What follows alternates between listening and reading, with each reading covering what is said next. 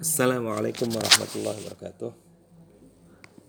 Alhamdulillah wassalatu wassalamu ala rasulullah sayyidina Muhammad ibni Abdullah wa ala alihi wa sahbihi wa mawalah ma ba'du. Alhamdulillah kita bertemu lagi dalam pengajian kitab Salam Taufik sebagai lanjutan dari pertemuan sebelumnya yang membahas tentang sifat-sifat uh, Allah baik yang wajib mustahil maupun yang jaiz. Sekarang kita melanjut kepada pembahasan selanjutnya tentang uh, dalil-dalil tentang dalil ijmali tentang wujudnya Allah dan sifat-sifatnya. Bismillahirrahmanirrahim. Faslun fid dalil al-ijmali ala wujudillahi wa sifatihi. Pasal tentang dalil uh, ijmali tentang wujud Allah dan sifat-sifatnya. Yajibu ala ala alal mukallafi ay ya'rifa dalil al-ijmaliyya ala wujudillahi ta'ala wa sifatihi liyuhassina imanahu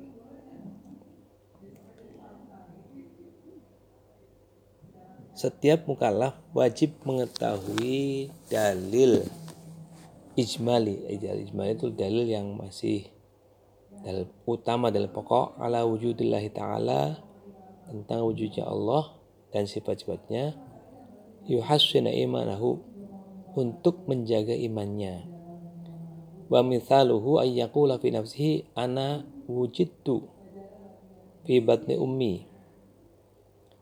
Uh, contohnya adalah si mukallaf tadi berkata dalam dirinya bahwa saya diciptakan di uh, batni ummi di perut ibu saya. Ana wujidtu uh, diadakan di di perut ibu saya sebelumnya yang sebelumnya tidak ada. Ba'da al ba'da an lam akun maujudan setelah sebelumnya saya tidak ada wa man wujida ba'da lam yakun fala budda lahu min mujidin ay khalqin au jadahu wa kawwanahu. Barang siapa yang uh, ada setelah sebelumnya tidak ada maka mau tidak mau sudah pasti ada zat yang mewujudkan, yang mengadakannya, yaitu yang menciptakan, yang mewujudkannya dan me, me, mengadakannya menjadi ada dari tidak ada menjadi ada. Fala buddha li min khalqin khalaqali a'dha'i wa za'i wa tafasilid dakhiliyah wal kharijiyah sudah pasti bagi saya ada yang menciptakan uh, anggota badan dan segala uh, yang ada pada diri saya baik lahir di dalam baik yang di dalam maupun yang di luar. Maksudnya anggota badan yang di dalam tubuh ini atau di luarnya. Kalau mukawwinu kawwani wa kawwanan kawwanani wa awjadani laisa abi wala ummi wala ayya makhluqin akhar. Yang menciptakan itu adalah zat yang me menciptakan saya dan mengadakan saya. Yang sudah pasti bukan ibu atau bapak saya ataupun makhluk lain. Bahwa khaliqun azimun.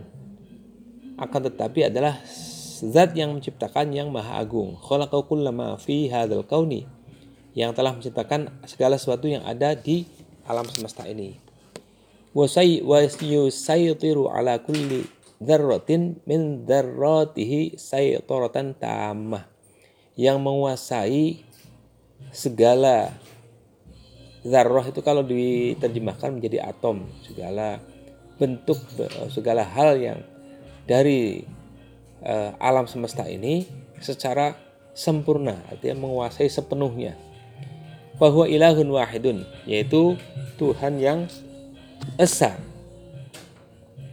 La syarika wala mathil lahu yang tidak ada sekutu dan tidak ada yang menyamainya. Wa huwa munazzahun an kulli naqsin dia Allah suci dari segala bentuk kekurangan. Falahul kamalul mutlaqul ghairul mahdudati dialah maha sempurna secara mutlak tak terbatas fala budda ayyakuna tasifan bil ilmi wal qudrati wal iradati wal hayati wa sairi sifatil kamali ala ma yaliqu bil uluhiyah. Sudah pasti Allah, Allah itu adalah zat yang disifati dengan ilmu, kekuasaan, kehendak, hidup dan segala sifat sempurna yang eh, layak atau patut bagi ketuhanan wa khalqi la tuhitu bihi ilman. Akal makhluk tidak mungkin mencapainya. Wisamma bil arabiyati Allah. Dalam bahasa Arab disebut dengan Allah. Nah, itu sebagai dalil ijmali. Ada dalil ijmali itu bukan dalil yang sifatnya uh, syar'i, tapi sebuah pemikiran, sebuah uh, pernyataan dalam diri bahwa kita adalah makhluk yang ada di sejak uh, di dalam uh, perut ibu kita itu adalah ada orang yang ada zat yang menciptakan kita. Kita lanjut kepada pasal berikutnya pasal fi jawab man yas'alu ma. Pasal tentang jawaban bagi orang yang bertanya apa itu Allah. Minal muhimmi ay ya'rifal muslimu kaifa yujibu ma yas'alu ma Allah hal yang penting adalah seorang muslim uh, harus mengetahui bagaimana kalau ada yang bertanya uh, bagaimana menjawab orang yang bertanya apa itu Allah.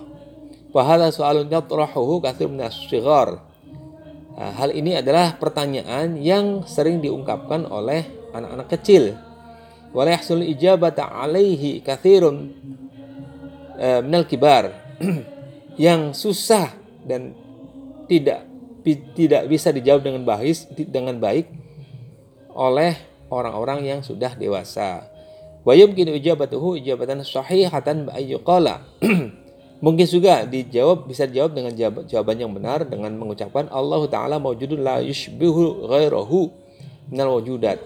Allah taala adalah zat yang wujud yang tidak menyerupai segala sesuatu yang ada dari makhluk famahma tasawwarat bibalika fallahu la yashbihu dzalik segala sesuatu yang ada dalam diri kita, dalam hati kita, dalam bayang kita, dalam pikiran kita, maka apa yang ada dalam bayangan, dalam pikiran, dalam hati kita, Allah tidak serupa dengan itu.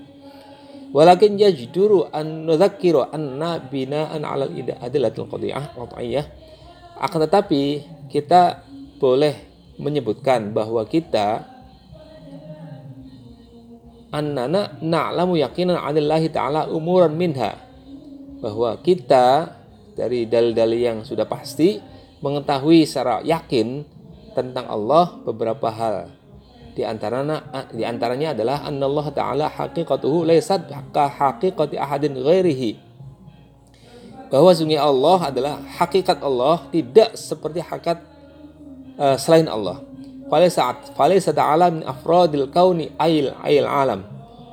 Allah bukanlah bagian dari satu uh, dari segala alam yang ada di alam semesta ini. Dari makhluk. Wala ya'lamu haqiqatahu wala ya'lamu haqiqatallahi ahadun ghairuhu ta'ala. Tidak ada yang mengetahui hakikat Allah selain Allah Ta'ala. Yang kedua, wa anna Allah Ta'ala laisa fi ayyi makan au jihadin Allah tidak berada di suatu tempat atau di satu arah tertentu. Wa hajmin wa syaklin. Karena Allah tidak punya jisim badan, hajmin bentuk atau syaklin atau uh, sesuatu bentuk. Kemudian yang ketiga, Allah Ta'ala la yahtaju. Allah tidak membutuhkan segala apa pun wala yatadarru bisyai'in juga tidak bisa menjadi uh, terancam dengan apa pun Wala yang tafi'u bi'in tidak juga mengambil manfaat dari segala sesuatu li'annal kamal li'anna li'anna lahu li'anna lahul kamal mutlak. Karena Allah memiliki sifat sempurna yang mutlak. Kemudian selanjutnya Allah taala la bidayata liwujudihi. Allah tidak ada permulaan bagi wujudnya. Allah berwujud tanpa ada permulaan. Falaisalahu khaliqun, tidak ada yang menciptakan amma ghairuhu fali wujudihi bidayatun. Adapun selain Allah, setiap selain Allah, makhluk dalam keberadaannya pasti ada permulaan. Fayahtaju ghairuhu ila khaliqin. Selain Allah membutuhkan zat yang menciptakan, artinya Allah. Selanjutnya wa Allah taala khaliqu kulli ma siwahu. Sesungguhnya Allah taala adalah pencipta segala sesuatu selain Allah. Ai kulli ma fil alam. Segala sesuatu yang ada dalam semesta minal asami dari bentuk uh, jisim, badan wal amal juga perbuatan baghairiha dan selain yang lainnya. Fala khaliqa siwahu. Tidak ada pencipta selain Allah. Selanjutnya, Allah Ta'ala la jibu alaihi syai'un. Allah tidak punya kewajiban apa pun Wala salah hadin hakun alaihi. Allah tidak punya hak atas siapa pun. Uh, Allah tidak punya hak uh, dari siapa pun. Maksudnya kalau ada uh, siapa pun yang menurut hak pada Allah bahwa Allah punya hak, punya kewajiban itu tidak ada sama sekali. Walakinnahu ta'ala wa wa'duhu haqqun wa wa'iduhu sinqun. Allah janjinya sudah pasti, ancamannya juga benar. Selanjutnya Allah kul wa anna kullama auhamat zawahiruhu min ayatil karimatil wal ahadits syarifatis ittisafal ittisaf ittisaf Allah taala bi sifatin min sifatil makhluqat. Segala sesuatu yang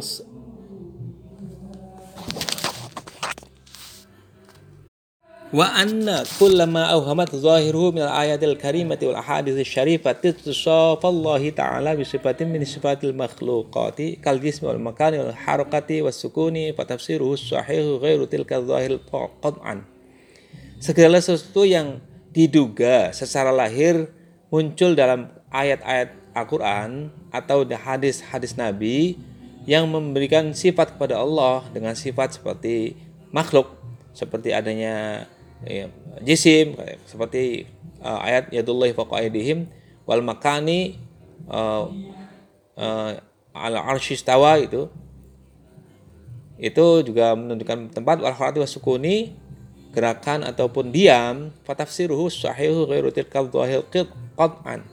Maka tafsirnya yang benar adalah bukan yang apa yang ada dalam yang dugaan yang muncul dalam hadis dugaan kita ya maksudnya. Dugaan kita. Jadi pun apa yang disebutkan dalam Al-Quran dan hadis itu sebagai uh, kalimat yang sebenarnya Allah tidak seperti itu. Artinya uh, Allah punya tangan punya itu uh, tafsir yang benarnya bukan seperti itu. Itu hanya untuk memberikan pemahaman yang lebih mudah kepada kita yang membacanya kepada makhluknya. Karena kalau diberikan pemikiran yang terlalu uh, eh, dalam maka nanti khawatir tidak bisa dipahami dengan baik. Makanya Allah akan memberikan eh, gambaran seperti itu. Yadullah faqaidihim. Dalam tafsirnya disebutkan bahwa kekuasaan Allah di atas kekuasaan mereka gitu. Baik, kita lanjutkan kepada sifat-sifat Nabi. Kita pemahaman tentang Nabi. Khala suatu fi ma'rifatul anbiya alaihi wassalam. Kesimpulan tentang memahami para nabi alaihi salatu wassalam. Al mu'jizatu dalil qadir ala sunqil anbiya. Mu'jizat adalah dalil yang pasti tentang kebenaran para nabi. Wa yajibu i'tiqadu anna al-mu'jizati dalil naqiniyin ala sunqil anbiya. Kita wajib meyakini bahwa mukjizat adalah dalil yang meyakinkan tentang kebenaran para nabi alladzina hum afdalul khalqi khalqillahi ta'ala. Mereka adalah uh, makhluk Allah yang paling utama. Wa sufara'uhu ila ghairihim min khalqihi. Wasufara'uhu ila ghairi min khalqihi. Dan menjadi utusan atau delegasi uh, Allah kepada uh, selain para nabi yaitu makhluk-makhluk Allah. Wahya kharqun lil adatil kauniyati fid dunya ayyadahumullahu biha wa khassahum biha idharun litasdiqihi lahum. Mukjizat itu adalah sesuatu yang uh, apa ya bertentangan dengan hukum alam khawarul adat al kauniyah fit dunia uh, jadi bertentangan hukum alam di dunia contoh misalnya ada mukjizat nabi bisa membelah bulan dan sebagainya. Itu uh, sesuatu yang bertentangan dengan alam yang dijadikan Allah sebagai penguat para nabi dengan ada mukjizat tersebut dan memberikan kekhususan. Wa khassahum biha idhan lahum. Memberikan kekhususan kepada para nabi untuk menunjukkan dan pembenaran kepada mereka para nabi itu. Wa ja'alahu muwafiqatan li da'wahum nubuwah dan sebagai uh, penguat untuk ajakan para nabi untuk mengakui kenab, uh, supaya kenabiannya di diakui oleh uh, umatnya. Wa a'jaza'na ityani bimithliha kull mutanabbi'in zuron wa kullam kadzibin li ahadin minal anbiya. Juga melemahkan uh, para orang-orang yang mengaku nabi untuk bisa mengikuti dan meniru para nabi tersebut dengan mujizat-mujizatnya. Dan begitu juga orang-orang yang mendustakan nabi uh, yang melemahkan dan sebagainya. Jadi mukjizat itu dijadikan sebagai penguat uh, kemudian pembeda dari para, uh, para musuh-musuh Nabi dan menjadi uh, apa namanya? sesuatu yang istimewa dari para nabi untuk menunjukkan bahwa mereka adalah benar-benar utusan Allah. Ma yajibul anbiya'i wajib alaina ma'rifatahu sesuatu uh, hal yang wajib bagi para nabi dan kita wajib mengetahuinya. Wa yajibu i'tiqadu anna kulla nabiyyin min min anbiya'illahi min anbiya'illahi alaihi wassalatu wassalamu yajibu lahu bid dalil aqli atau bid dalil syar'i atau bihima ma'an. Kita wajib meyakini bahwa setiap nabi Allah alaihi wassalam baik secara dalil akli ataupun dalil syar'i atau kedua-duanya sifatul hamilatun memiliki sifat-sifat yang terpuji. minha di antaranya adalah asyadqu wal amanatu wat tabligh wal fatonah. Sidik benar amanah menyampaikan tabligh Me, kalau amanah itu amanah e, memegang amanat tabligh menyampaikan wal kecerdasan wasyanatu dan menjaga e, terjaga terjaga dari perbuatan yang e, bertentangan perintah Allah.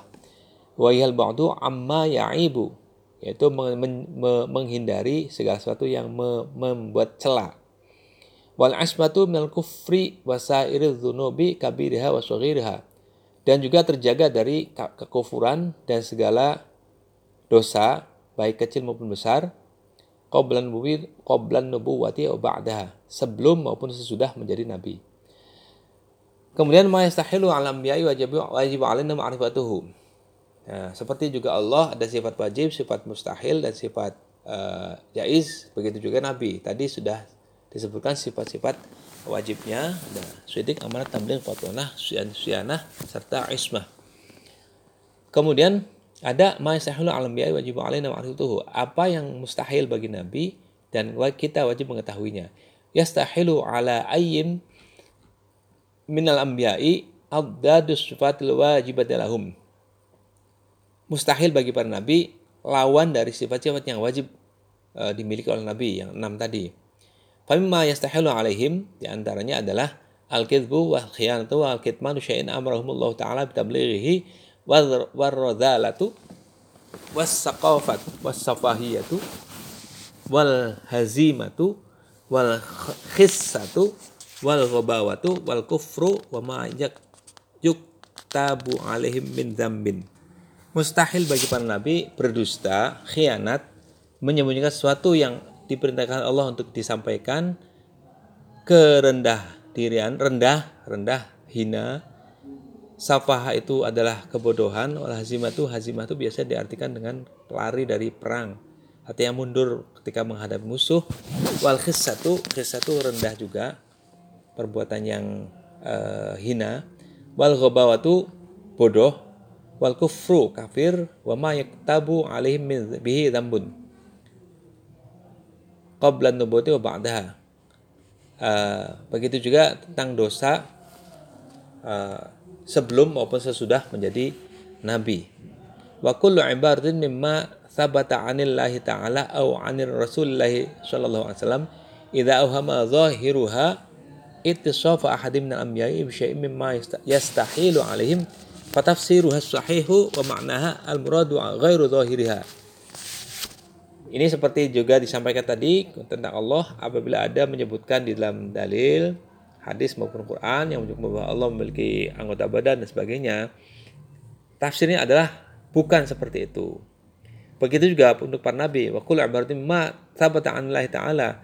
Segala ungkapan dari Allah Ta'ala tentang Rasulullah SAW apabila secara lahir seolah-olah dipahami eh, dengan sifat atau kondisi atau perbuatan yang mustahil bagi mereka, maka yang dimaksud adalah bukan yang tersebut secara pemahaman yang kita baca dari kalimat itu.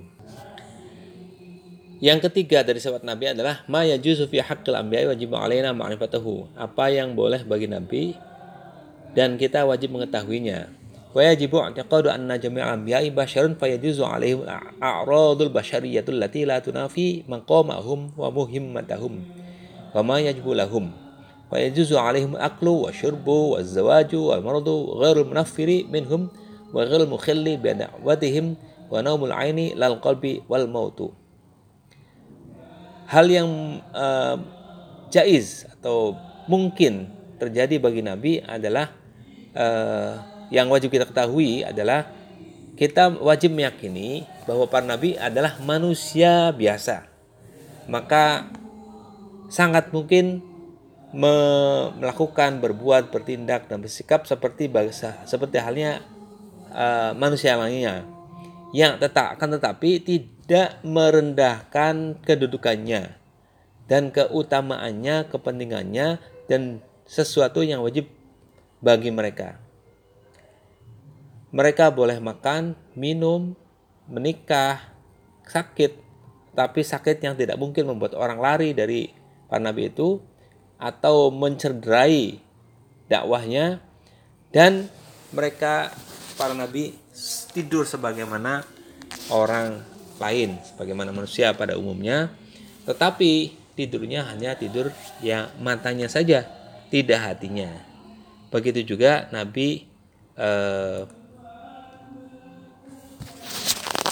sangat mungkin meninggal dunia. Alhamdulillah kita sudah membahas tentang sifat-sifat yang wajib, mustahil dan jais bagi para nabi. Nanti kita pada pertemuan berikutnya membahas tentang uh, segala hal yang membuat menjadikan seseorang menjadi murtad atau keluar dari Islam. Dan kita cukupkan untuk pertemuan ini. Kita tutup dengan bacaan Subhanakallahumma wa bihamdika asyhadu an la ilaha illa anta astaghfiruka wa atubu ilaik. Sallallahu ala sayyidina Muhammad wa ala alihi wa sahbihi wa barakatuh wasallam. Subhana rabbika rabbil izzati amma yasifun. Wa salamun alal mursalin walhamdulillahi rabbil alamin. Assalamualaikum warahmatullahi wabarakatuh.